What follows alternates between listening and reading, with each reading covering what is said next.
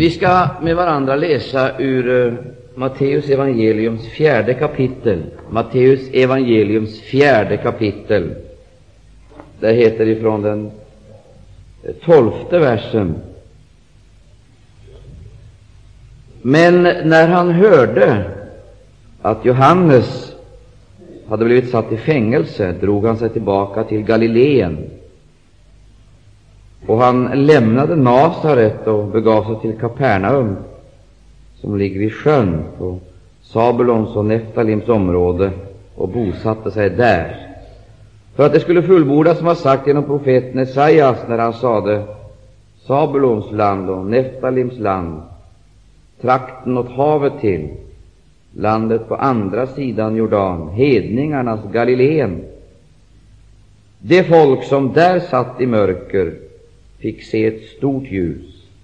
Ja, det som suttit i dödens ängd och skugga, för dem gick, ett, gick upp ett ljus. Från den tiden begynte Jesus predika och säga, Gör en bättring till himmelriket är nära. Då han nu vandrade ut med Galileiska sjön fick han se två bröder, Simon som kallas Petrus och Andreas, hans broder, kasta ut nät i sjön, ty de vore fiskare. Och han sade till dem, Följen mig, så skall jag göra eder till människofiskare. Strax lämnade de näten och följde honom. När han hade gått därifrån ett stycke längre fram fick han se två bröder, Jakob, Sebedeus son, och Johannes, hans broder, där de jämte sin fader Sebedeus suttit i båten och ordnade sina nät, och han kallade dem till sig. Och strax lämnade de båten och sin fader och följde honom. Och han gick omkring i hela Galileen och undervisade i deras synagogor och predikade evangelium om riket och botade alla slags sjukdomar och all slags skröplighet bland folket. Och ryktet om honom gick ut över hela Syrien, och man förde till honom alla sjuka som vore hemsökta av olika slags lidanden och plågor, alla som vore besatta eller månadsrasande eller lama, och han botade dem. Och honom följde mycket folk ifrån Galileen och Dekapolis och Jerusalem och Judeen och från landet på andra sidan Jordan. Amen. Vi tackar dig, kära Herre Jesus, för det underbara råd och den förundliga undervisning som ditt eget ord meddelar oss. Nu vet du, Herre, att vi är tröghjärtade, att vi är avtrubbade och inkrökta i många avseenden.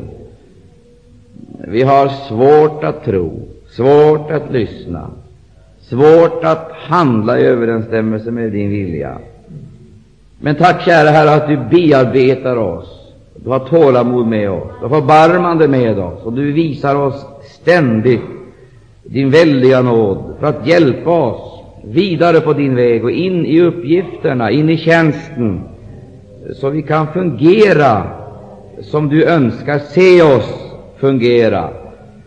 Och vi kan, eh, Jesus, förmedla det välsignade budskap som har blivit oss till hjälp, till vägledning, till räddning. Vi lovar dig därför.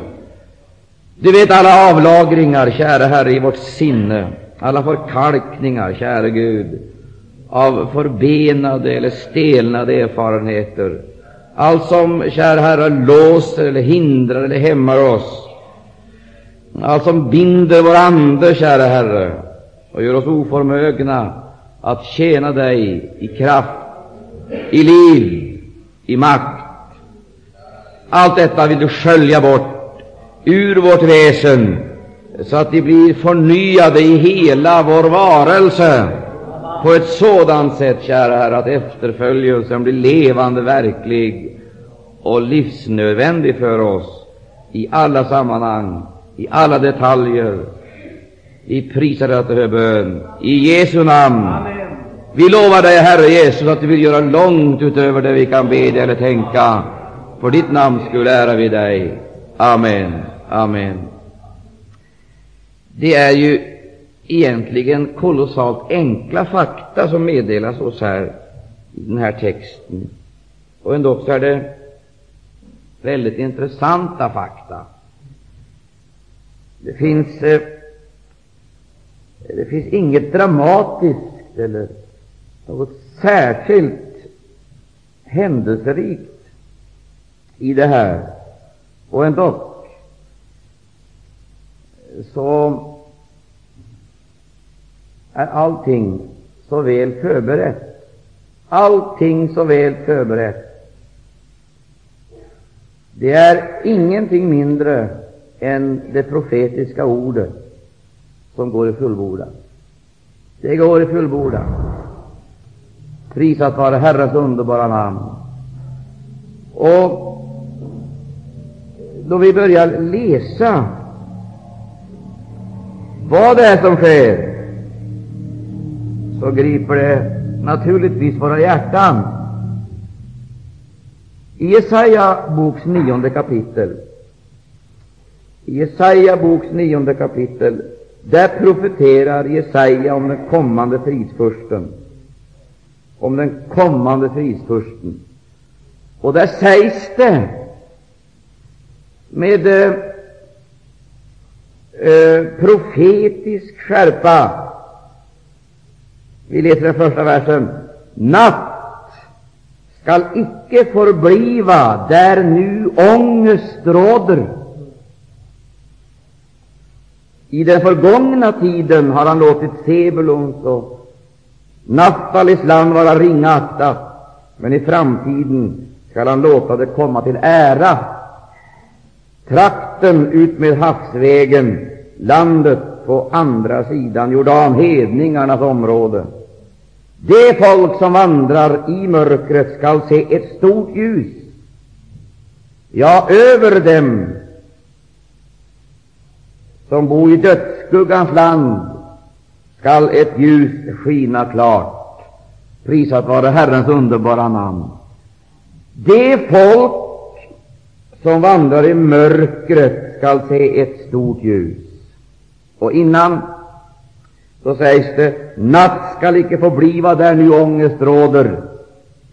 I den förgångna tiden har han låtit Sebulons och Naftalis land vara ringaktat, men i framtiden skall han låta det komma till ära, trakten ut med havsvägen, landet på andra sidan Jordan, hedningarnas områden. Här talas det om ett bortglömt, eller skall jag hellre säga bortgömt område. Ett område i mörker, ett område i ångest. Och till just detta område, till denna del, så ges det ett speciellt löfte. Jag kan inte låta bli än att gripas när jag tänker på att det finns så kolossalt många mörka platser på vår jord.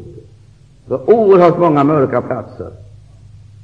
Och man kan fråga sig vad beror det på att det finns så kolossalt många mörka platser, till synes bortgömda, bortglömda. Eh, vad beror det på att det finns så många ångestfyllda områden? Vad beror detta på? Ja, vi får svaret i den här texten. Situationen skulle förändras och den skulle förändras i det att Jesus kom dit. Den enda som rår på mörkret och kan skingra det, det är Jesus. Och den enda som kan ta itu med den ångest människan upplever, den djupa ångest hon upplever, det är Jesus. Detta att Jesus kommer, det betyder att ljuset kommer. Detta att Jesus kommer, det betyder att mörkret skingras. Det betyder att onda krafter besegras. Mörkret har sin orsak, ångesten har sin orsak. Men det underbara med Jesus, det är det att han tar icke tur med symptomen, det, det ytliga och det yttre. Han tar itu med det som är själva grundproblemet. Ära vare Gud Och ett faktum är, det är alla dessa mörka områden, alla dessa mörka platser, som har fått ett speciellt löfte. Det heter natt skall icke få bliva där ångest råder. I den förgångna tiden har han låtit Sebulon och Naftalis land vara ringaktat, men i framtiden skall han låta det komma att lära. Trakten ut med havsvägen, landet på andra sidan Jordan, hedningarnas område.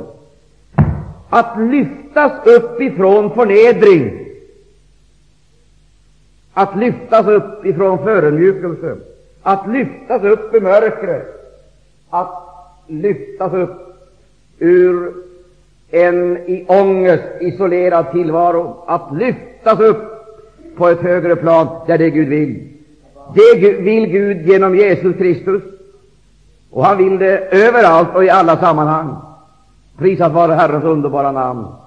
Nu kan man fråga sig, vad var det som gjorde att just det här området betraktades som ett speciellt dystert, mörkt och i andligt avseende eh, bortkommet område?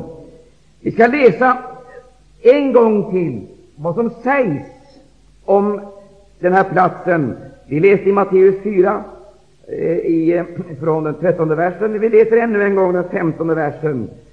Sebulons land och Neftalis land, trakten åt havet till, landet på andra sidan Jordan, hedningarnas Galileen. Får jag säga så här, att de här platserna, de låg längst i norr i Israel långt till Jerusalem, men nära Eh, till hedningarnas område. Ett faktum var att de här platserna var mer påverkade utav de omkringliggande folkens religion än det var utav sin egen religion. De var mer påverkade utav gräns eh, de till Israel gränsade hedningarnas länder och religion än det var utav sitt eget folk. Vi känner icke en enda profet som har kommit ifrån de här platserna. Icke en. Vi vet icke om någon bemärkt eller någon speciell gammaltestamentlig profil som vi eh, vet har kommit ifrån de här platserna. Det såg ut som de var helt fullständigt bortglömda. Men just till den här platsen, dit drog Jesus, och där bosatte han sig. Men inte bara det, han drog inte bara dit därför att det var intressant ur den synpunkten. Han drog dit med en speciell avsikt, och han var ute i ett angeläget ärende. Hans ärende det var ingenting mindre än att utta medarbetare. Och därifrån de här platserna, de här områdena, eh, som eh, skaran omkring honom tas ut. Och vi läser i den artonde versen hur det gick till. Det då han nu vandrade ut med Galileiska sjön fick han se två bröder, Simon som kallas Petrus och Andreas hans broder, kasta ut nät i sjön till och fiskare. Vi har sagt att det var ett mörkt område, men på samma gång så kan vi förstå att om Jesus tog ut för sin underbara tjänst i eh, detta kolossala ämbete, apostlaämbetet, de var hälsosamt befriade ifrån hämmande religiös belastning.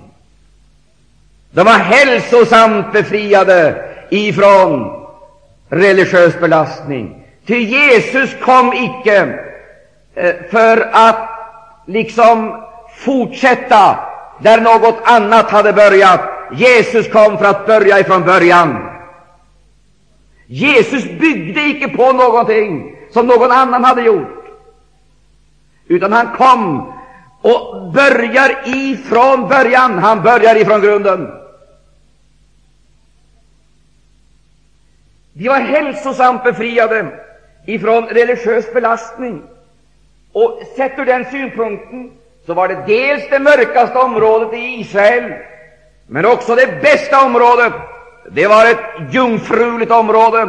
Och då Jesus träder fram där, så röner han en öppenhet som han knappast fann på många andra platser. Men det är inte nog med det att de var hälsosamt befriade ifrån all religiös belastning, därför att religiösa traditioner, det kan vara lokala traditioner, det kan vara nationella traditioner, det kan vara släkttraditioner. Det finns ingenting som är så oerhört hämmande som traditionerna. Det kan vara, det kan vara släkttraditioner, det kan vara lokala traditioner, det kan vara nationella traditioner, men det har en fruktansvärt hämmande effekt och verkan på dem som är påverkade av dem. Och det är oerhört svårt att komma ut ur dessa traditioner, att befrias ifrån dem. Och det är kolossalt svårt att liksom börja om ifrån början. Vi vill gärna liksom arbeta vidare på en grund som redan är lagd.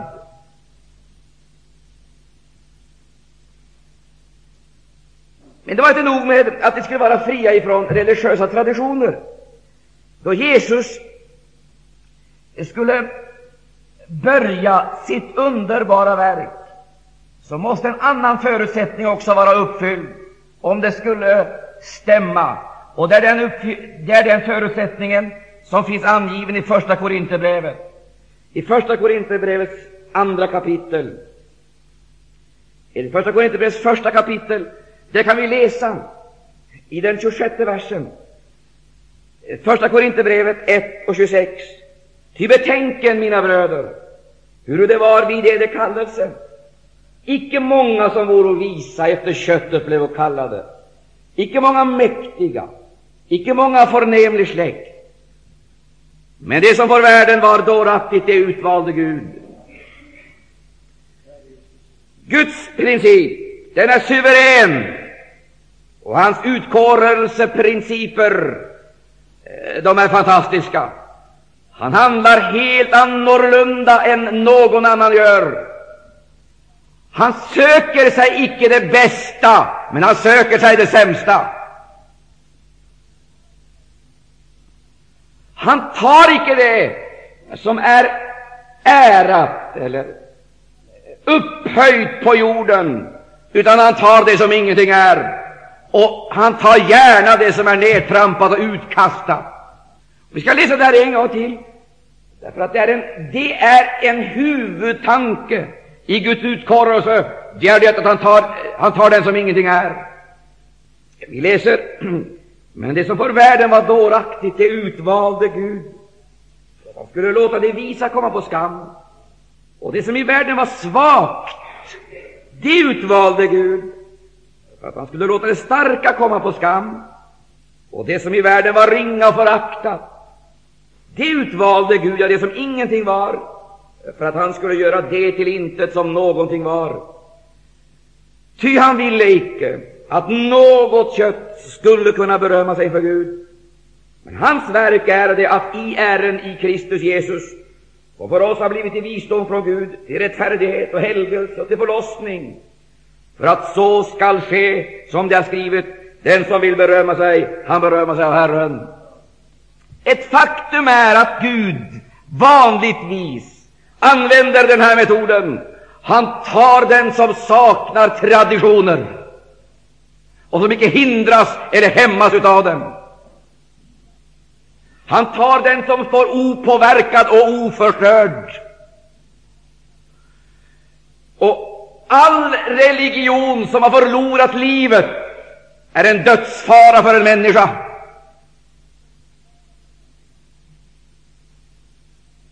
Men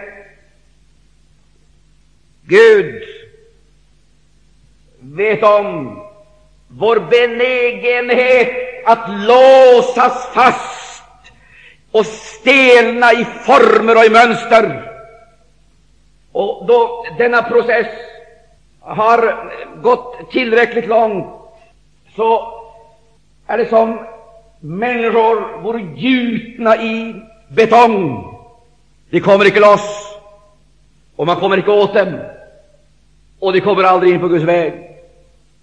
Därför så ser vi hur Jesus börjar med människor som saknar denna bakgrund, opåverkad eller fri utav denna belastning, så börjar han prisat vara Herrens underbara namn, sitt förunderliga verk, och leder det fram till en härlig seger. Och du förstår, traditionen, den formar oss på alla områden. Den formar oss kulturellt, socialt, religiöst, moraliskt. Och vi, vi, vi ser sedan denna ständiga kamp som Jesus hade med den judendom som hade stelnat i ceremonier, i ritualer, i dogmer. Livet hade begravts under dessa traditioner. Och, och vi ser denna oerhörda kamp som Jesus ständigt har mot de människor som var fastlåsta i det. Och må Gud hjälpa oss att icke vi dör en andlig död på grund av, på grund av att vi fastnar i religionens utanpåverk, men att vi lever i Jesus och Jesus lever i oss. Att livets krafter är verksamma i oss, så vi är rörliga, elastiska, formbara och utvecklingsbara.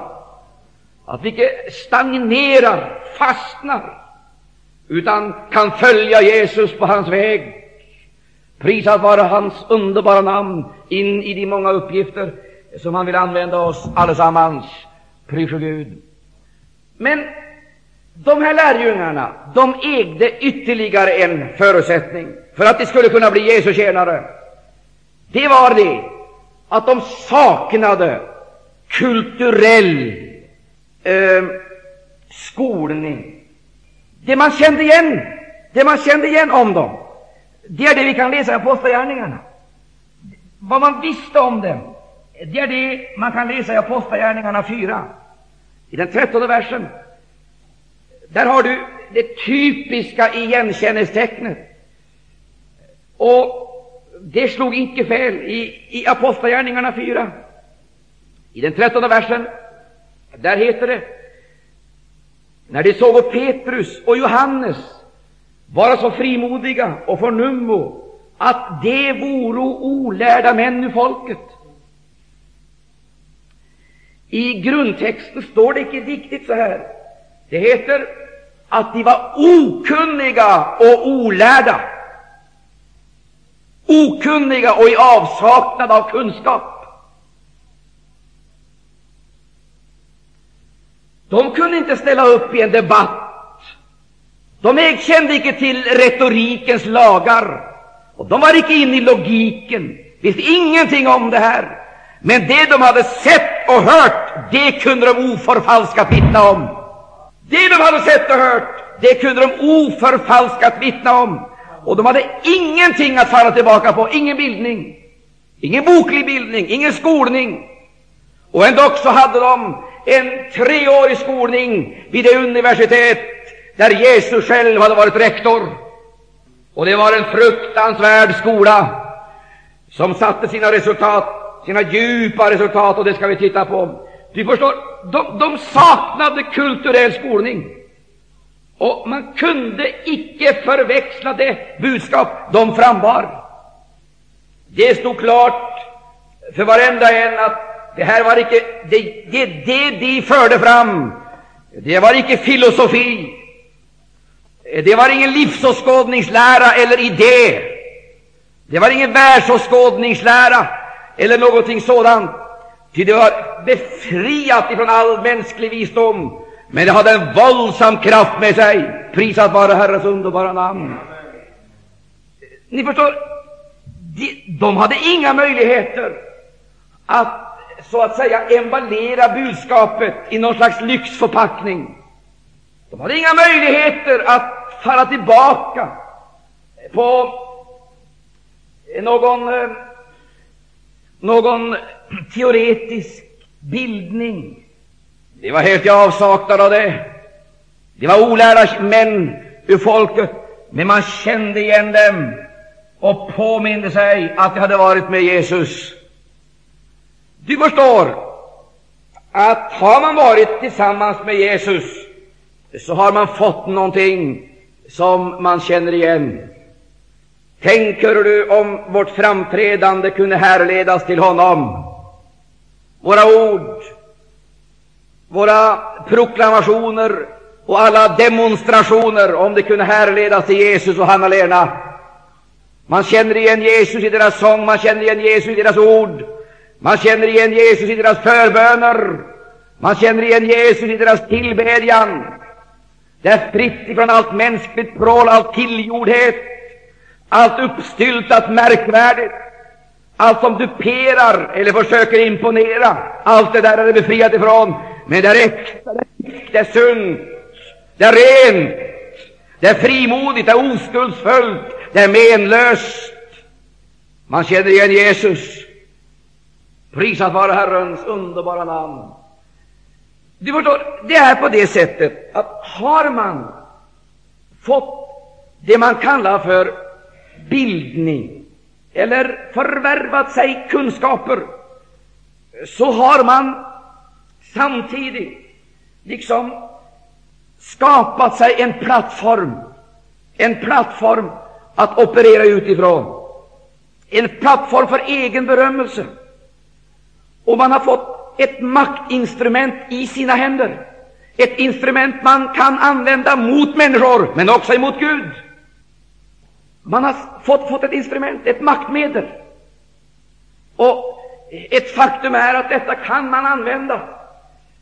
Och som regel så gör människor också det. Man hinner knappt få en examen förrän man har byggt upp en plattform för eh, självberöm, för eh, självförgudning, för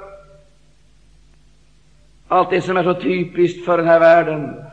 Och det är så kolossalt svårt för den som har skaffat sig denna kunskap att ödmjuka sig, att kunna bli som barn, att kunna börja om. Det är som om, det är som om Gud icke nådde människan. Hon har skaffat sig ett instrument, ett maktmedel som står emellan människan och Gud. Det borde icke vara så, men oftast är det på det sättet. Så ser vi då att fromheten och kunskapen var för sig eller i förening åstadkommer detta. Vi blir oberoende av Gud. Vi gör oss oberoende utav honom. De här saknade ytterligare förutsättning. De var icke upphämtade ur någon känd eller namnkunnig släkt. De lyfts helt plötsligt fram ur anonymiteten, okända. De finns icke i något, i någon adelskalender, där ingen känns namn.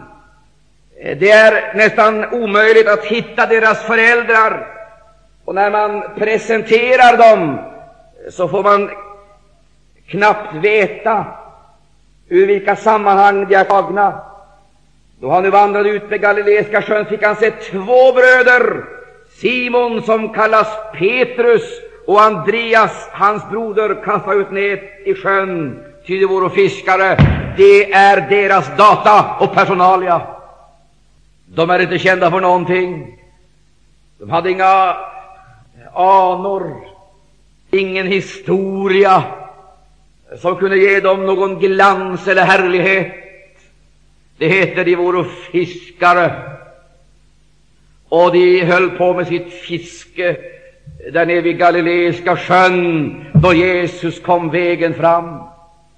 De, de ägde heller ingen ekonomisk makt. De var fattiga. Jag vill inte på något sätt förhärliga fattigdomen, men vi vet ju hur det är. Vi vet ju, vi vet ju hur det är, vi vet ju hur det är med namnet.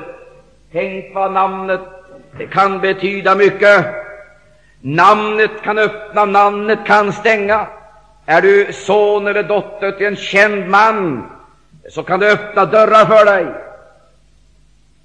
eller stänga dörrar, förföljelsens väg och bära det kors som skulle bli deras, till det var det det handlade om.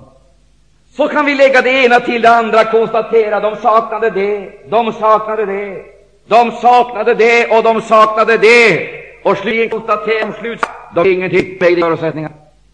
Och ändock så ägde de någonting. Ty den människa finns icke som icke har ett brohuvud av motstånd i sitt väsen, och det motståndet måste besegras. Och Jesus är suverän.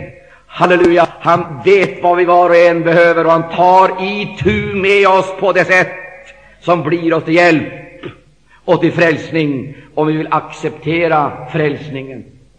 Vad kunde då en sådan man som Petrus ha? Det förefaller som om han omedelbart vore villig att lämna allt och följa Jesus. Visst inte. Visst inte. Det gick icke så där impulsivt och snabbt och eh, eh obetänksamt och oöverlagt tillväga. Visst inte. Men Jesus knäckte någonting i hans väsen. Och vad var det han knäckte? Jo, Petrus hade ingen bakgrund som skulle kunna gjort honom till någon kändis. Han hade ingen bakgrund som skulle kunna gjort honom till en speciellt from man. Han hade ingen miljö som skulle kunna gjort honom till en eh, lärare eller någonting dylikt. Men han hade någonting som måste knäcka väsen. Och vet du vad det var för någonting? Han ägde en rejäl portion yrkesstolthet. Yrkesstolthet. Och Jesus säger till honom, följ mig, så ska jag göra dig till människofiskare. Jesus sa icke att du ska fortsätta där du slutar, utan följ mig, så ska jag göra någonting helt nytt av dig. Något helt nytt. Jag ska göra dig till människofiskare.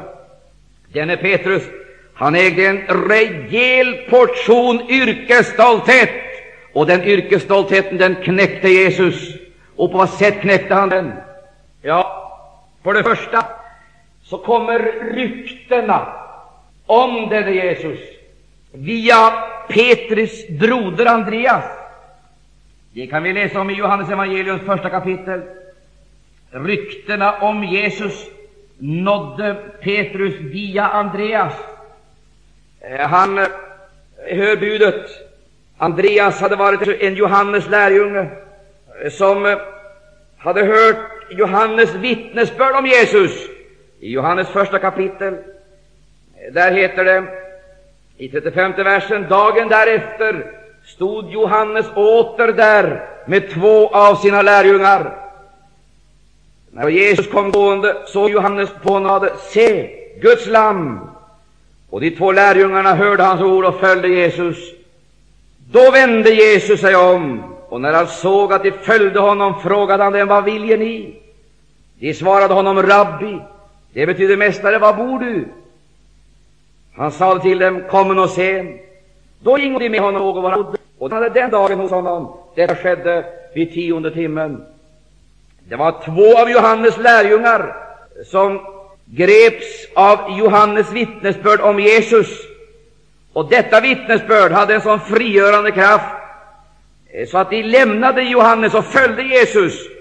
Och de var intresserade av att få veta dels vem Jesus var, och de ville veta var han bodde. Och Jesus erbjuder dem, han inviterar dem att följa med honom hem. Och de stannade hos honom en dag. En av de två som hade hört vad Johannes sade, heter det i 40 versen, och som hade följt Jesus, det var Andreas, Simon, Petrus bror. Denne träffade först sin broder Simon och sa till honom, vi har funnit Messias. Det betyder detsamma som Kristus. Och han förde honom till Jesus. Då såg Jesus på honom och sade, du är Simon, son, du ska heta Kefas. Det betyder detsamma som Petrus. Dagen därefter ville Jesus gå därifrån till Galileen, och han träffade då Filippus, och Jesus sa till honom, följ mig. Vad som hade skett, det var alltså det här, att Andreas hade varit, hos, varit tillsammans med Jesus en hel dag och lyssnat till honom, gripits utav honom och övertygats om att Jesus, han var Messias. Och vittnesbördet som Andreas frambar till sin broder Petrus, eller Simon som han hette, det var så övertygande, så överbevisande, så att han följde med Andreas till Jesus. Och när Jesus möter Simon, så säger han åt honom, du skall heta Kefas. Det betyder detsamma som Petrus, det vill säga, det betyder detsamma som klippa. Prisat vare Herrens underbara namn. Då Jesus ser Petrus, ser, ser Petrus och gör vad han skulle bli. Och han ger honom ett profetiskt budskap, vars verkningar Petrus vid det tillfället icke hade den blekaste aning om, men så småningom skulle visa sig, då Jesus någon tid senare, ganska snart för övrigt, efter den här händelsen, kom ut efter Galileiska sjön, så möter han Petrus, eller Simon, Kefas, som hade hört Andreas vittnesbörd, som hade mött Jesus och som hade mottagit ett profetiskt ord i det att han hade givits ett nytt namn. Men Petrus var fortfarande kvar i sitt förvärvsarbete. Och vad var det som skulle till för att Petrus skulle fatta efterföljelsen och svara ja på kallelsen? Det kan vi läsa om i Lukas 5. Och varför ska vi inte göra det? Vi kan läsa om den saken i Lukas 5. Det var någonting som måste brytas ner hos Petrus. Och det fanns någonting av stolthet i hans väsen. Så även om han saknade, kan man säga, allting, så ägde han något i sitt väsen som hindrade honom att följa Jesus. I Lukas 5, där kan vi läsa ifrån den första versen. Då nu en gång folket, för att höra Guds ord, trängde sig in på honom där han stod vid Genesarets sjö, eh, fick han se två båtar ligga vid sjöstranden. Men de som fiskade hade gått i land och höll på att skölja sina nät. Då steg han i en av båtarna, den som tillhörde Simon, och bad honom lägga ut något lite från land. Sedan satte han sig ned och undervisade folket ifrån båten. Och när han hade slutat att tala sade han till Simon, lägg ut på djupet och kasten där ut edra ner till fångst. Då svarade Simon och, och, och sade, Mästare, vi hava arbetat hela natten och fått intet, men på ditt ord vill jag kasta ut näten. Och när de hade gjort så, fingo de en stor hop fiskar i sina nät, och näten gingo sönder. Då vinkade de åt sina kamrater i den andra båten att dessa skulle komma och hjälpa dem. Och de kom och, och fyllde upp båda båtarna så att de begynte sjunka. När Simon Petrus såg detta föll han ned för Jesu knän och sade, Gå bort ifrån mig, Herre, jag är en syndig människa. Ty för detta fiskafänges skull hade han och alla som vore med honom betagits av häpnad. Jämväl Jakob och Johannes, Sebedeus söner, som deltog med Simon i fisket. Men Jesus sade till Simon, frukta icke, härefter skall du fånga människor. Och de förde båtarna i land och lämnade alltsammans och följde honom. Du, ser du i den här texten att då, då Simon handlar, så handlar han visserligen på Jesu ord. Men ser du att det finns ett överlägset drag i hans uppträdande?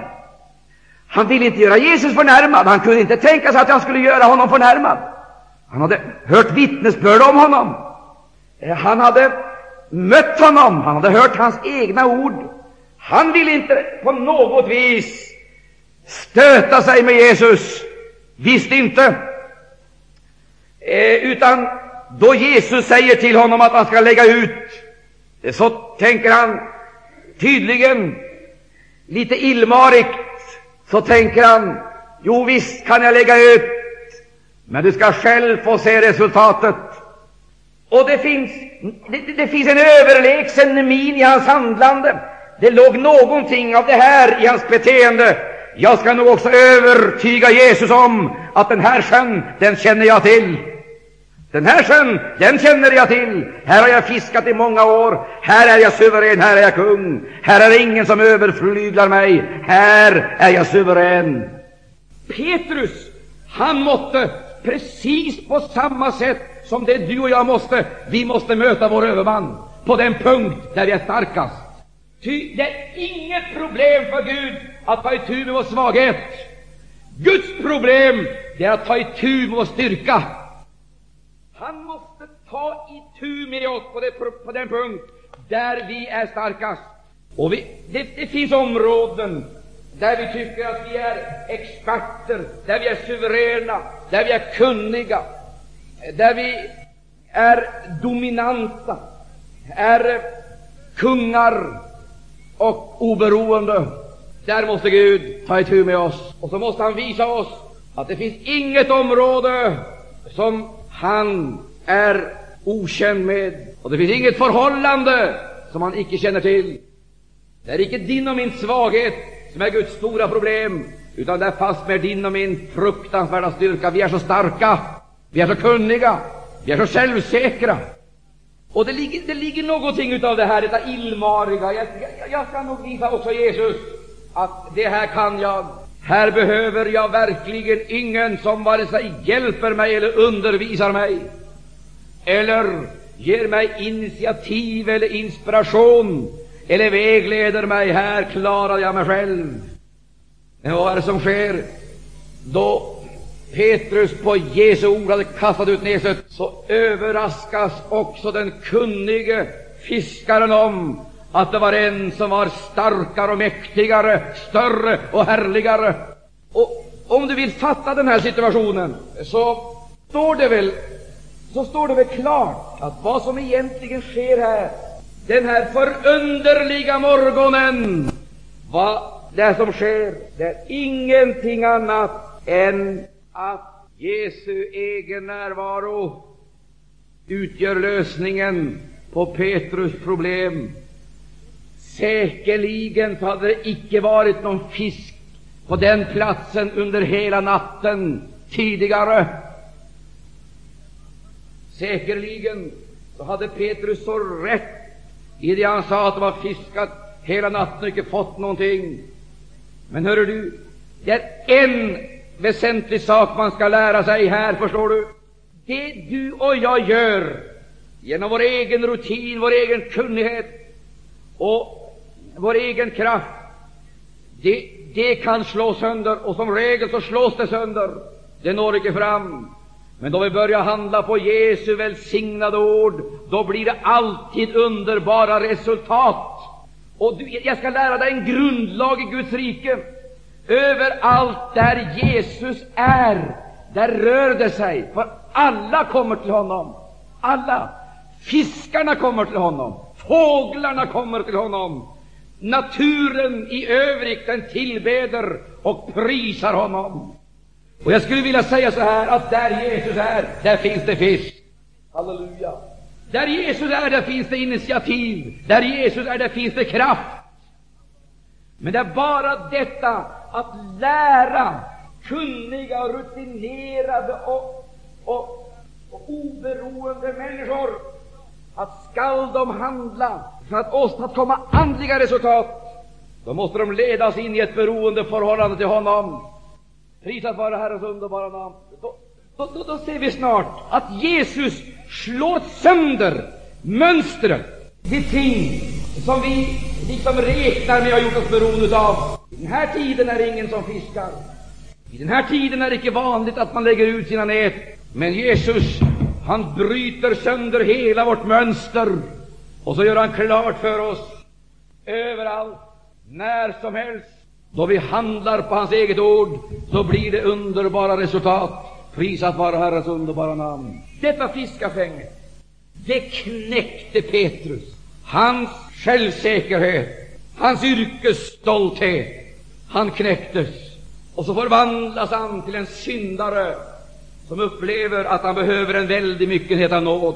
Och han beder, han beder i en bön, gå bort ifrån mig, Herre, jag är en syndig människa.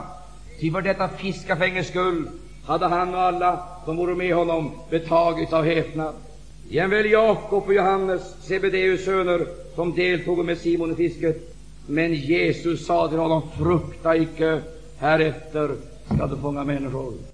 Du, det är en sak som har gripit mig så oerhört, så kolossalt. Därför att jag vet att varenda en av oss längtar efter att på ett rätt och sant sätt få tjäna Jesus. Icke sant? Vi hävdar med riktighet att vi har ingen tradition som låser oss fast. Vi har ingen speciellt mönster som hindrar oss. Vi har ingen organisation som lägger hinder i vår vägen. Vi är heller inte oberoende av Guds ingripanden. Vi är fattiga. Vi har inga maktmedel i våra händer så vi frestas till en kötslig skuggboxning med makterna. Problemet ligger icke där. Och ändå också finns det ett problem. Vet du vad? Det är på det här sättet att oftast så står vi i vägen för oss själva. Det är icke världen som utgör problemet, hindret, utan vi står i vägen själva. Vi är själva ett hinder för Gud, och vi är ett hinder för oss själva. Det beror på att vi har skaffat oss en viss position, en viss stolthet, en personlig, en individualistisk specialitet som vi subjektiverar i nästan alla sammanhang. Inom ett litet begränsat område kan vi vara kunniga, oberoende, självsäkra, och vi rör oss inom detta ruterat och självsäkert. Så kommer Jesus i vår väg. Vi hör detta välsignade budskap att Jesus är Messias. Vi hänförs, vi grips, vi hör om andras upplevelser och vi blir ännu mer hänförda och gripna. Men vi tycker ändå icke att vi är redo att följa honom därför att det är någonting som hindrar. Vad gör Gud? Prisat vare Herrens underbara namn. Han skickar icke bara ett sändebud med ett uppbyggligt budskap. Han kommer icke bara till oss själva genom ett profetiskt ord och talar om vad som ska ske om ett årtionde, eller om ett årtionde eller två årtionden. Icke. Han kommer att ta itu med vårt speciella problem och så knäcker han oss på den punkt där vi är starka. Gud, han slår sönder oss och berövar oss vår styrka. Och i det läget så kommer också kallelsen Följ mig. Och då upplever vi, Herre, det är nåd utöver nåd, att vi får följa dig.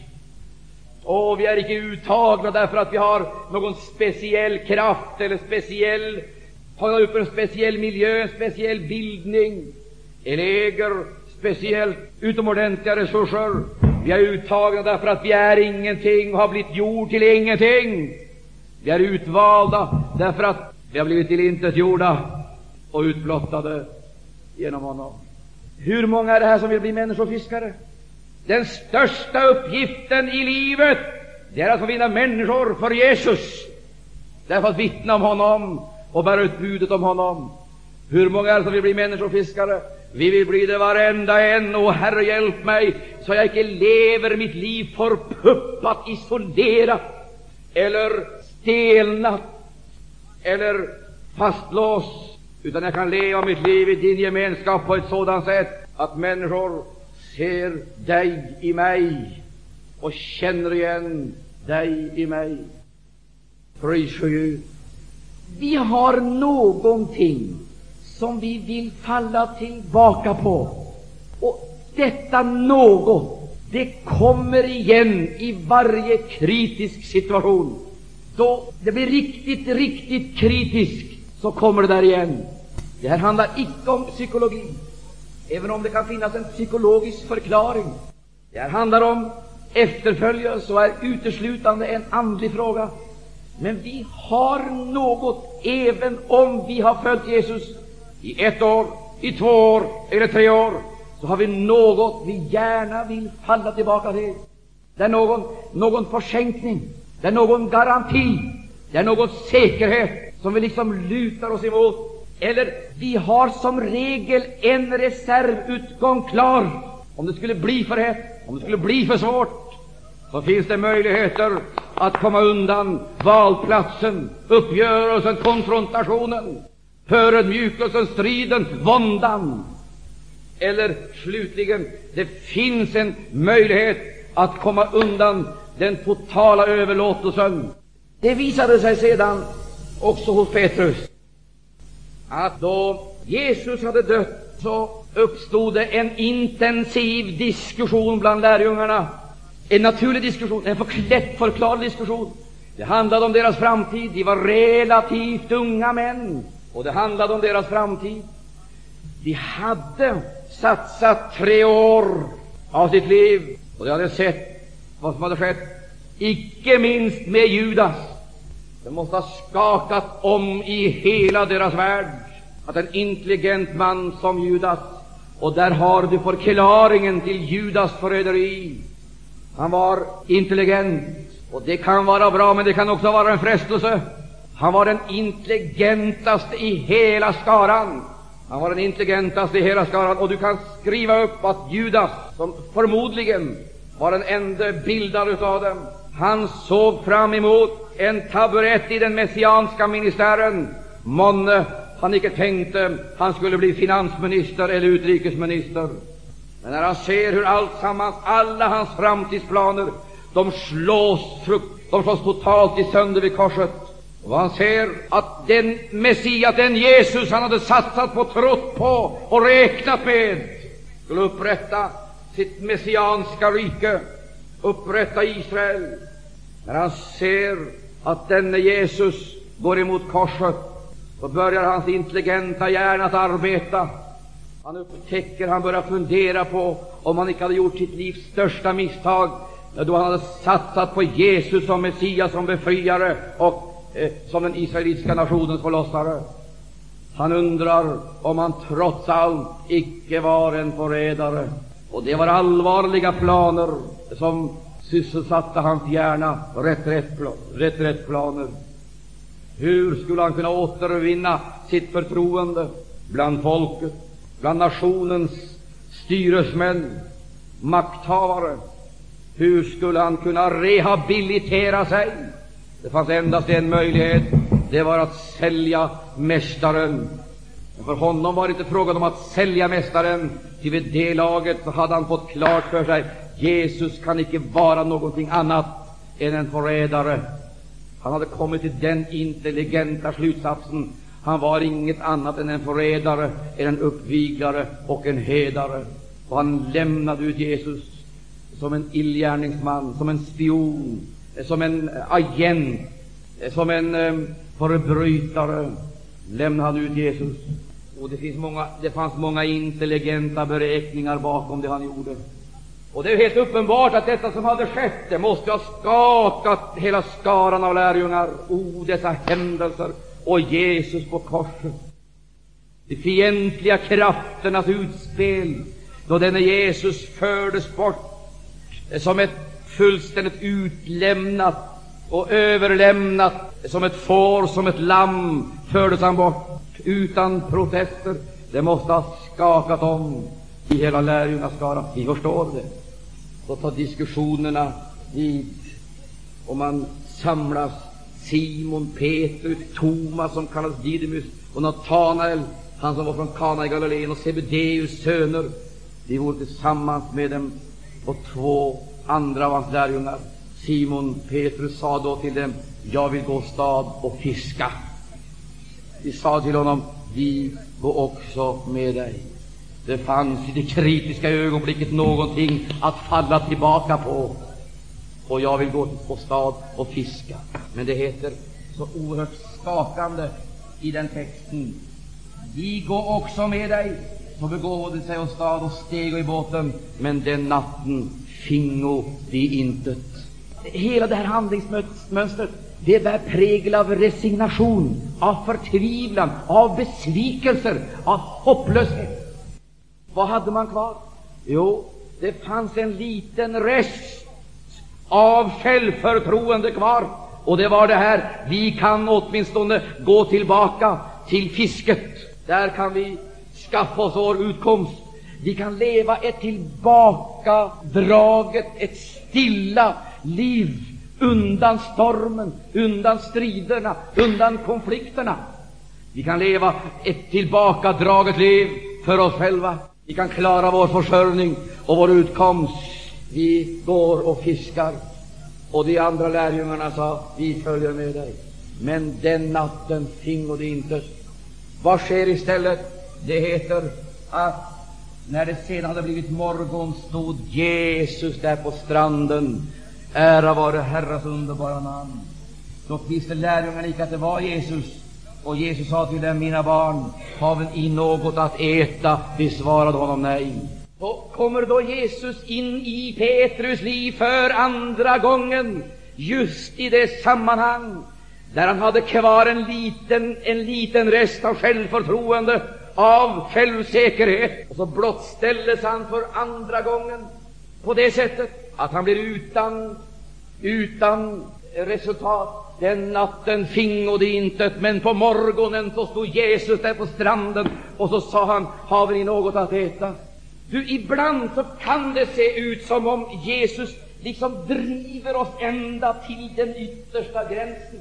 Utlämnade, utstötta, utsparkade och hopplöst förtvivlade står vi där med vårt eget problem, med vår framtid, med vår släkt, våra anhöriga, med vår tjänst. Alltsammans, det liksom vilar på oss och vi försöker liksom lägga en reträttväg vi ska väl försöka trots allt att göra det bästa möjliga utav situationen.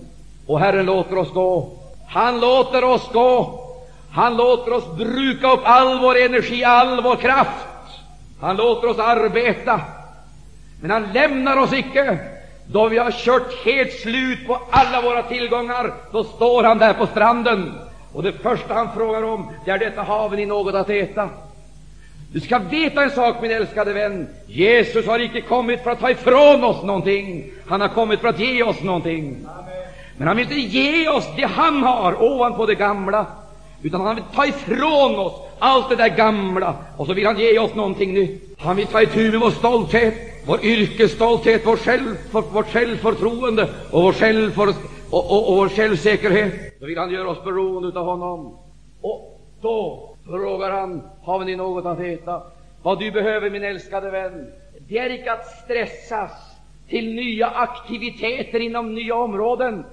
Vad du är i trängande behov av, det är mättnad. Och den enda som kan ge dig den mättnaden, det är Jesus Kristus. Halleluja!